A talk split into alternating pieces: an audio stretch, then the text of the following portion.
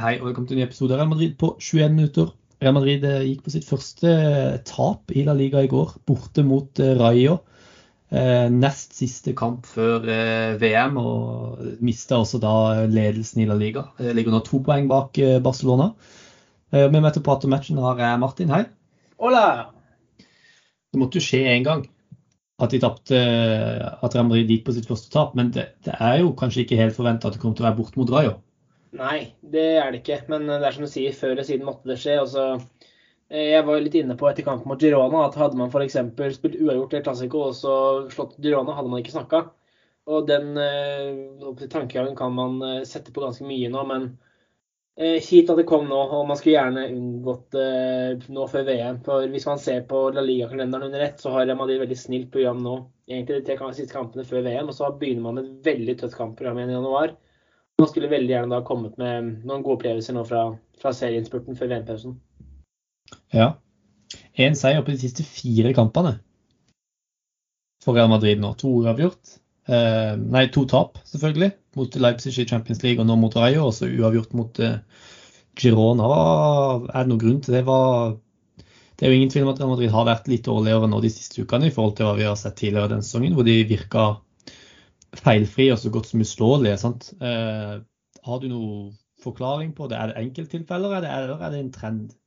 Er det noen trender du ser, på en måte? Jeg føler vel litt at man har eh, tråkka eller slappa litt opp på gassen. Fordi nå kom man seg gjennom den, veldig hektiske oktober måned. Man eh, gjorde egentlig jobben i Champions League med to kamper igjen. Man slo Barcelona, man slo Sevilla. Man, ja, man gjorde egentlig alt som skulle gjøres. Og så kan det nesten se ut til at man har tenkt at ja, da, da blir det gjort. Nå har vi gjort jobben vår, nå tenker vi på VM. Og så er det ikke så enkelt. Så det var sånn det ser ut utenfra, da. Men så veit jeg jo etter å ha fulgt uh, fotball såpass lenge at uh, ting er ikke alltid sånn det ser ut utenfra. Nei, definitivt. Og et aspekt som også Angelotti var inne på i går, som jeg, syns er ganske viktig, jeg syns det blir tydeligere og tydeligere, det er også at disse spillerne begynner å bli slitne. De, Real Madrid har spilt uh, kamp to ganger i uka stort sett hele denne sesongen. og jeg skjønner veldig godt at spillere som Vinicius og Rodrigo og Chuameni og disse som har spilt mye, at de virkelig begynner å bli slitne. Og i går syns jeg du kunne se det veldig tydelig. Det var mer energi i Rayo fra start av. Eh, og Real Madrid ble jo faktisk løpt i senk, kanskje spesielt på midtbanen. Eh, så jeg syns også det er en faktor man må ta med i betraktning. og nå kommer det et VM. De aller fleste av disse Real Madrid-spillerne skal også spille VM og spiller fast for sine landslag det er jo på en måte lite som tyder på at uh, det kommer til å bli noe bedre etter VM, nødvendigvis. Uh, og det blir jo veldig interessant å se hvordan Ikke bare Real Madrid, for dette er nok noe du ser hos de, de fleste storlag i Europa. altså at, Hvordan kommer de til å håndtere dette her når VM er over? Uh, hvordan skal de hvile spillere? hvordan skal de gå inn i den siste innspurten av sesongen? Det blir vanvittig interessant å se hvem som klarer å løse det best. Altså, dette her altså Dette kan bli ganske tungt for Real Madrid hvis de er slitne nå, før VM i det hele tatt har begynt. sant? Absolutt. Og Angelotti har jo sagt at de spillerne som spiller VM, kommer til å få nær sagt litt velfortjent ferie. Og det, igjen, det er dem vel unt. Men uh, det vil jo si at man kommer til å måtte starte et ganske B-prega lag. Og så er det jo nærliggende å tro at man kanskje gjør det litt under par og må stresse noen tilbake. Og da kan både skader og generelle dårlige prestasjoner veldig fort dukke opp. Definitivt. Da skal vi ta og gå litt uh, gjennom kampen. da, Hva var det som gikk galt her? på en måte, og jeg vet ikke, Det første jeg på en måte har lyst til å begynne med, er egentlig uh, pasningspresisjon. Ekstremt lav pasningspresisjon generelt langs hele linja. Luka Modric unormalt mye balltap.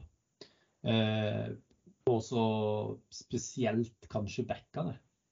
Jeg kan ikke engang telle hvor mange ganger Mendy spilte en sånn håpløs tversoverpasning eh, godt inne på Rayo sin banehalvdel, riktignok, men allikevel noe som gir Rayo mulighet til å enten kontre eh, eller beholde ballen i laget, og til Real Madrid derfor mister flyt i angrepsspillet sitt. Og det var ikke bare Mendy, det var også Dani Carvahal. Eh, Chuameni med unormalt mye pasningsfeil. Det var én spiller som var solid i pasningsspillet i går, og det var Marco Sensi. Han traff mm. på alle pasningene sine. Så jeg vet ikke ja. Også spesielt og Det er kanskje litt overraskende, men den midtbanen at Chouameni, Valverde og Modric funka også ekstremt dårlig i går. Jeg syns det er mange som har um, gitt Chuameni urettferdig mye kritikk for at han var for langt unna i veldig mange situasjoner i går. og jeg mener at Grunnen til at han var det, var fordi at han var helt alene. Det var ingen ved siden av han, og til og med ikke Chuameni klarer å dekke hele forsvarsrekka alene. Eh, Valverde fikk åpenbart beskjed om å trekke framover i banen, for der har han vært så god. Eh, og Modric blir litt sånn løpt over i, denne, i en kamp som dette her. Så jeg vet ikke, det er bare en kombinasjon av det å måtte løpe hjem hele tida pga. teite, dumme balltap eh, på motstanderens banehalvdel, eh, som gjør at også Chuameni blir helt isolert. Eh, jeg vet ikke om du har noe mer eh, å legge til, eller om du har noen andre tanker eller noe annet du har merket? Nei, jeg er egentlig helt enig. og eneste jeg tenker er at eh, man, Vi har vært veldig flinke til å skryte av Tony Cross denne sesongen, og så har det ikke vært alle som har sett eh, kanskje godt nok hvor god han faktisk har vært. Og jeg føler kampen i går eh, illustrerer det på en god måte. for der ser man egentlig at Real Madrid eh, de klarer liksom ikke å få der, den roen og det tempoet i pasningsspillet sitt. Eh, og den, der, den, den, rytmen da, eh, som man, man bare maler på og maler på og maler på den fikk man ikke tak i i går. Og jeg syns i går har vært en veldig sånn typisk kamp der man hadde tatt ut inn til slutt og satt Cross dypt. Eh, det er sånn jeg kunne sett for meg hvordan man kunne løst det. Eh, og ja, jeg syns tapet han ble veldig synlig i går. Jeg er helt enig. Det, jeg tror at hvis Real Madrid hadde hatt Tony Cross på banen i går, så hadde det sett helt annerledes ut. Um, han er Real Madrids mest pasningssterke spiller, uh, selvfølgelig. Det er ingen overraskelse. Um, men også den tryggheten han gir uh, med ball i beina. Ikke bare med tanke på pasningsspillet, men også at han er ekstremt vanskelig å ta ballen fra. God til å sette kroppen foran og ekstremt god til å bryte gjennom pressledd. Uh, og Det var jo litt av det Rayo lykkes med så godt i går. og Det er ikke så mange lag som presser Real Madrid så høyt som det Rayo gjorde i går. De lykkes veldig godt med å sette spesielt stopperne kanskje i vanskelige situasjoner. Eh, dypt, dypt inne i Real Madrids egen banehalvdel, til og med nesten langs dørlinja. Eh, og der hadde Tony Cross vært veldig, veldig eh, veldig viktig for å spille seg ut av det presset. Så det er åpenbart at Real Madrid er svekka når ikke de har han. Og det som jeg har sagt eh, mange ganger denne sesongen, det er at hvis han gir seg til sommeren, så er han uerstattelig. Da kommer Real Madrid til å bli så vanvittig svekka. Det fins ingen spillere i verden som gjør det Tony Cross gjør på den måten. Ehm, så jeg er helt enig. Tydelig at, eh, at Tony Cross ikke gjør det. Og faktisk. Jeg syns Militao kanskje var den forsvarsspilleren som klarte seg best, men jeg tror også at Rüdiger hadde vært bedre i en kamp som det. Fordi han er bedre på å ta med seg ball framover, og han har en bedre pasningsfot enn det Militao er. Han er bedre under press. Jeg tror også det hadde hatt en del å si. Helt enig. Uh, ja, jeg syns uh, jeg var litt inne på, på Ascensio. Uh, Real Madrids beste om dagen. Er ikke det litt rart å si?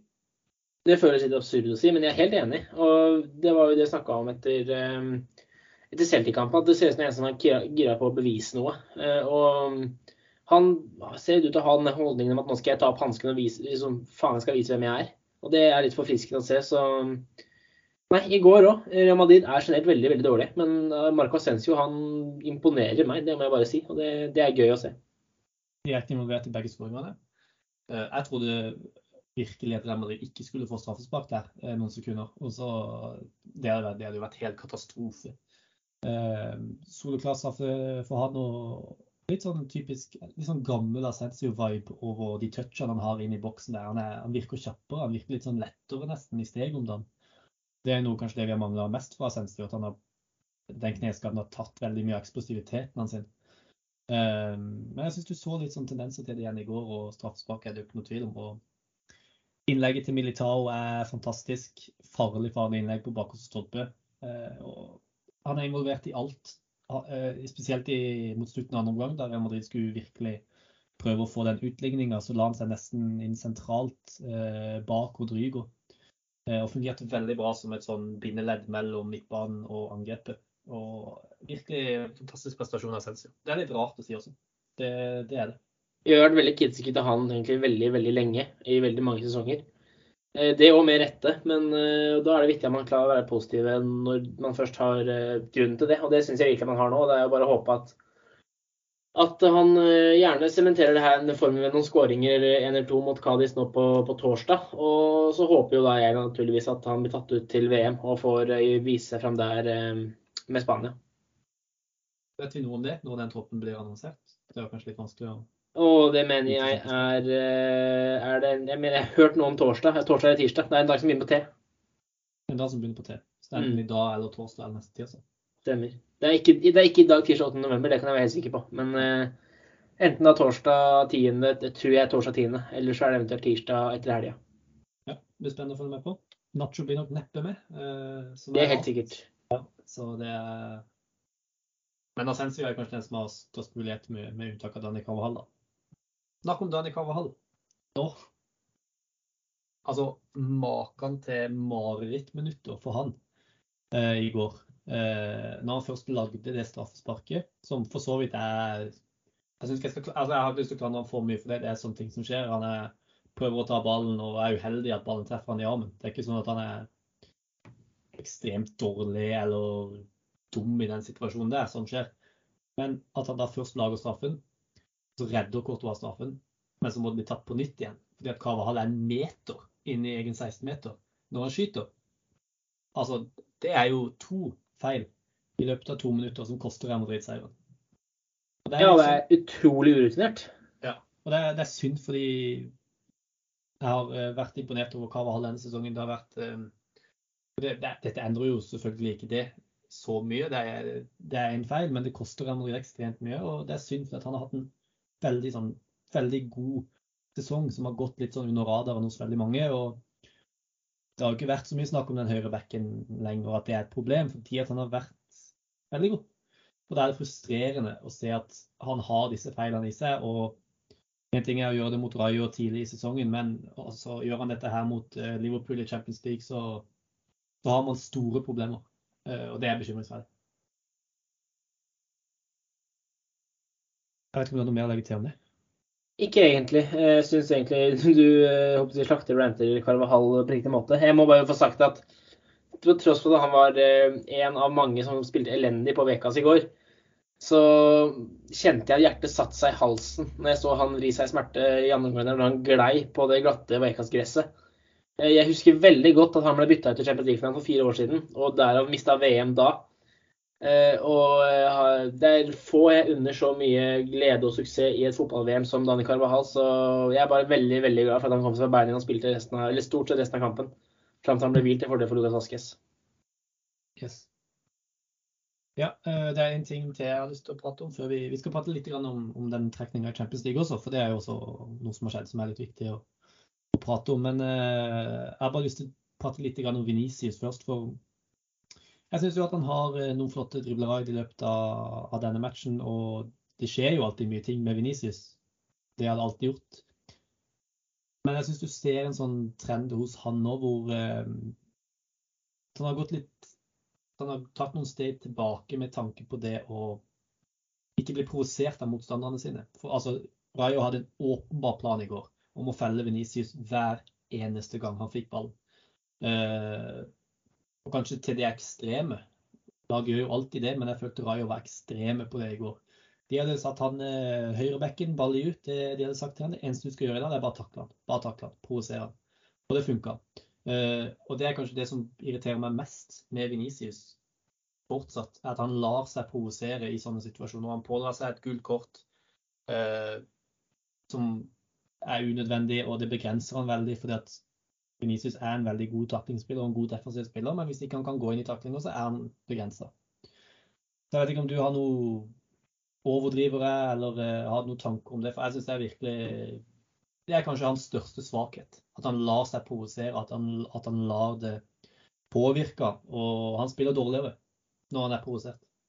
Han gjør det, og jeg er helt enig i at det er hans største svakhet. Med det sagt så har jeg òg ekstremt god forståelse for det Eh, for jeg har sett en del sånne såkalte compilations hvor man samler sammen en del videoklipp fra gårsdagens kamp. og Én ting er liksom takling på ball, men det er så mye sånne eh, Jeg, jeg som gammel forsvarsspiller ville kalt det rutinerte, men småstygge etterslengere.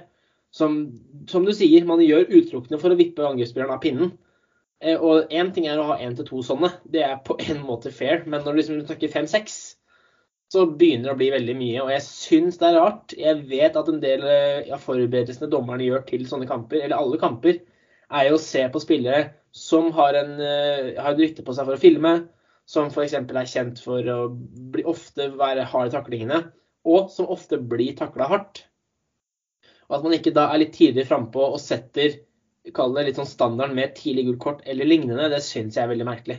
Og at uh, Monuera Montera lar Rayo Vallecano-spillerne holde på som de gjør mot Vinicius, det er ikke noe sånn direkte faretruende spill, det er ikke det jeg sier, men det er liksom den der konstante uh, småtteriet som uh, gjør at jeg skjønner at det kan koke litt over. Og så skal selvfølgelig, uavhengig av det Vinicius klarer å holde hodet, kaldt, noe han virkelig sliter med å gjøre. Ja, og det er jo ingen tvil om at Vinicius får mye frispark, men han burde hatt dobbelt så mange. Mm. Eh, Det er altfor mange situasjoner hvor det ikke blir blåst, fordi at han har et rykte på seg for å overspille. Men det er bare det å overspille betyr ikke at det ikke er frispark. Eh, Og i veldig, veldig mange situasjoner så blir Venicius takla ganske hardt uten at han egentlig får noe, får noe igjen for det. Og det skjer veldig ofte når ballen ikke er i nærheten av, sitt, av Venicius engang. Mm. Uh, han kan være på et løp på vei inn i boksen, og så plutselig får han en albue i brystet, og så er det ingen som ser det. Ekstremt frustrerende å se på. Jeg skjønner at han blir frustrert. Det er bare Altså Messi har blitt takla sånn i årevis, men det påvirker han ikke. Sant? Det jeg føler Venicius har noen steg å ta når du kommer, på, når du kommer til det. Så absolutt. Men jeg skal vi prate litt om eh, Liverpool, da. Ja, hvorfor ikke? Det er jo Det måtte jo nesten skje. Det var liksom det var enten PSG eller Liverpool som, som måtte være i Real Madrids dekning. Og det er jo og, og tallene hadde jo rett. Vi pratet jo litt om dette sist også, at eh, tallenes tale var at eh, den største muligheten Real Madrid hadde når det kom til sånn potensiell motstander, var Liverpool. 7 ja. Og det skjedde. Eh, jeg mener at eh, Real Madrid akkurat nå er favoritter. Ganske store favoritter, vil jeg si. Eh, Liverpool har hatt en håpløs sesongstart. Jeg tror ikke det er litt sånn underkommunisert hvor dårlig de har vært. De ligger på åttendeplass i Premier League. Eh, Jeg tror, tror bare de har vunnet fem av de første 13 kampene sine i Premier League. Eh, Så har de gjort det greit i Champions League, men de tapte jo altså 4-1 mot Napoli i Napoli. Som gjorde at de ikke vant eh, gruppa si. Så akkurat nå vil jeg si at Real Madrid er store favoritter. Men disse kampene spilles om tre måneder til. Det er mye som kan skje på tre måneder. Det er nesten umulig å si hvordan Liverpool-laget ser ut om tre måneder, hvordan Real Madrid-laget ser ut. Det er et VM imellom. Real Madrid skal spille spansk supercup. Det er så mye som skal skje at uh, situasjonen kan se helt annerledes ut om, om tre måneder. Jeg vet ikke, hvordan, Hva tenker du om styrkeforholdet mellom, mellom Real Madrid og Liverpool sånn akkurat nå? Akkurat nå så er jeg helt enig med deg i at uh, det er ingen tvil om at Real Madrid er favoritter. Men jeg klarer, jeg har liksom en sånn magefølelse tilbake til uh, Det blir vel da høsten Det var vel 2017, det, da. Hvor Real Madrid trakk PSG. Hvor alle var sånn at PSG er kjempefavoritter. Og det samme kan du egentlig se et, et års tid tilbake også. Men da var liksom eh, 20, høsten 2021 kontra høsten 2017. Da var Real Madrid bedre i 2021 enn det de var i 2017. For i 2017 var de helt ute å kjøre, og det var en sesong man kom kjempelangt bak Barcelona i, i kampen om ligagullet. Eh, Og da var det Folk kunne liksom ikke tenke seg at ikke PSG skulle valse ut i Real Madrid. Eh, Og så skjedde jo åpenbart ikke det, da. Og Madrid endte opp med å vinne Champions League. Og sånn i etterkant av det så har jeg lært at jeg skal ta det ganske med ro når, som du sier, første kampen spilles om ca. tre måneder. Men eh, det man uansett kan slå fast, er jo at eh, det er jo en, en klassiker av de sjeldne. Og for den nøytrale tilskuer så er det jo gøy å få reprise av Champions League-finalen allerede i åttendelsfinalen. Ja. Det er jo, altså, må, vi må jo være såpass ærlige og si at vi har jo som Real Madrid-sportere veldig gode minner fra disse kampene. Eh, to ganger i finalen på de siste fire årene så har Real Madrid slått Liverpool. Eh, og i tillegg sist gang de møtte de, den eneste gangen de har møtt mellom det, var jo i kvartfinalen for eh, ja, nå var det, 2021. Stemmer? Eh, hvor de også vant. Eh, så jeg vet ikke, jeg syns det er kanskje litt naivt eh, og litt sånn blindt, men jeg klarer liksom ikke se for meg at Real Madrid taper mot Liverpool. Jeg har aldri sett det. Eh, så jeg tror det blir eh, to gøye kamper. Eh, ja. eh, og som du sier, en reprise av Champions League-finale allerede i åttendedelsfinalen er jo ganske unikt. De kan, eh, har vi fått noen datoer på de kampene? Jeg vet jo at det er ca. tre måneder til, men har vi noen sånne datoer fast? Datoen er fastsatt. Hvis du gir meg på si, 15 sekunder, så skal jeg finne de her eh, relativt fort. Da kan jeg snakke om Liverpool i 15 sekunder. Ja. Eh, de har jo mista eh, Sadio Mané, først og fremst, som jeg tror kanskje har svekka de mye mer enn det man kanskje hadde sett for seg at det kom til å gjøre. Det var jo egentlig Salah som var den beste spilleren i sin forrige sesong, skåret flest mål. Eh, Men så ble de jo mer og mer avhengig av Sadio Mané i løpet av våren. Og inn i Champions League-finalen så var jo også han Liverpools beste spiller. Og da svekka de enormt å ikke ha Mané der framme. Og fått inn Darwin Núñez, som på papiret er en stor signering, en, en god spiss, men som har slitt litt uh, så langt. Mye kaos rundt han. Så jeg vet ikke. det er, altså, må de jo bruke Roberto Firmino igjen en del som spiss, og mye skader på bl.a. Luis Diaz og, og Jota og sånn. Så jeg er veldig usikker egentlig på, på dette Liverpool-laget, kanskje spesielt i angrep. og Det er spennende å se om de klarer å løse det litt. da. Jeg tror de er avhengig av Darwin Núñez. At det løsner litt for han. Absolutt. Eh, når det er sagt, kampene Det er over tre måneder til. Første kampen spilles da på Anfield, og det er tirsdag 21. februar. Eh, og så når det er åttendedelsfinale, så går det jo noen uker mellom slagene. Så spilles returen på Santiago Bernabeu onsdag 15. mars. Så det er om tre ukers tid mellom hver kamp. Og så skal det jo sies i, for, eller i etterkant av begge kampene, altså etter første kampen på Anfield, så skal Real Madrid da den påfølgende seriekampen få besøk av Adetico Madrid. Og i etterkant av returkampen i Madrid, så skal Real Madrid eh, den påfølgende seriekampen til Barcelona for å spille i Clásico. Så det blir to sesongdefinerende uker. Sånn er det jo alltid. Ja, så det er faktisk nesten fire måneder til returoppgjøret. Det er over fire måneder. Det er jo helt sinnssykt. Det er noen ganger jeg skjønner ikke hvorfor de tar, gjør trekninga så tidlig. For å være helt ærlig. Det er vel for å beholde momentum fra gruppespillet. Måten Champions League er i vinden. For det er litt sånn Ja. Skulle man trukket det her i, i januar, så hadde det vært litt sånn Jo, jo, men det her var ferdig for to måneder siden. Nå bryr vi oss ikke. Så det er nok det som er grunnen. Men jeg er helt enig med deg. Det er uansett veldig lenge til, og vanskelig å trekke noen konklusjoner der vi sitter nå. Ja, definitivt. Nei, men det var fint. Jeg tror vi gir oss der. Takk for at du eh, var med i dag, Morten. Du, bare hyggelig. Takk til alle dere som hørte på, og til neste gang. Ha det, Madrid.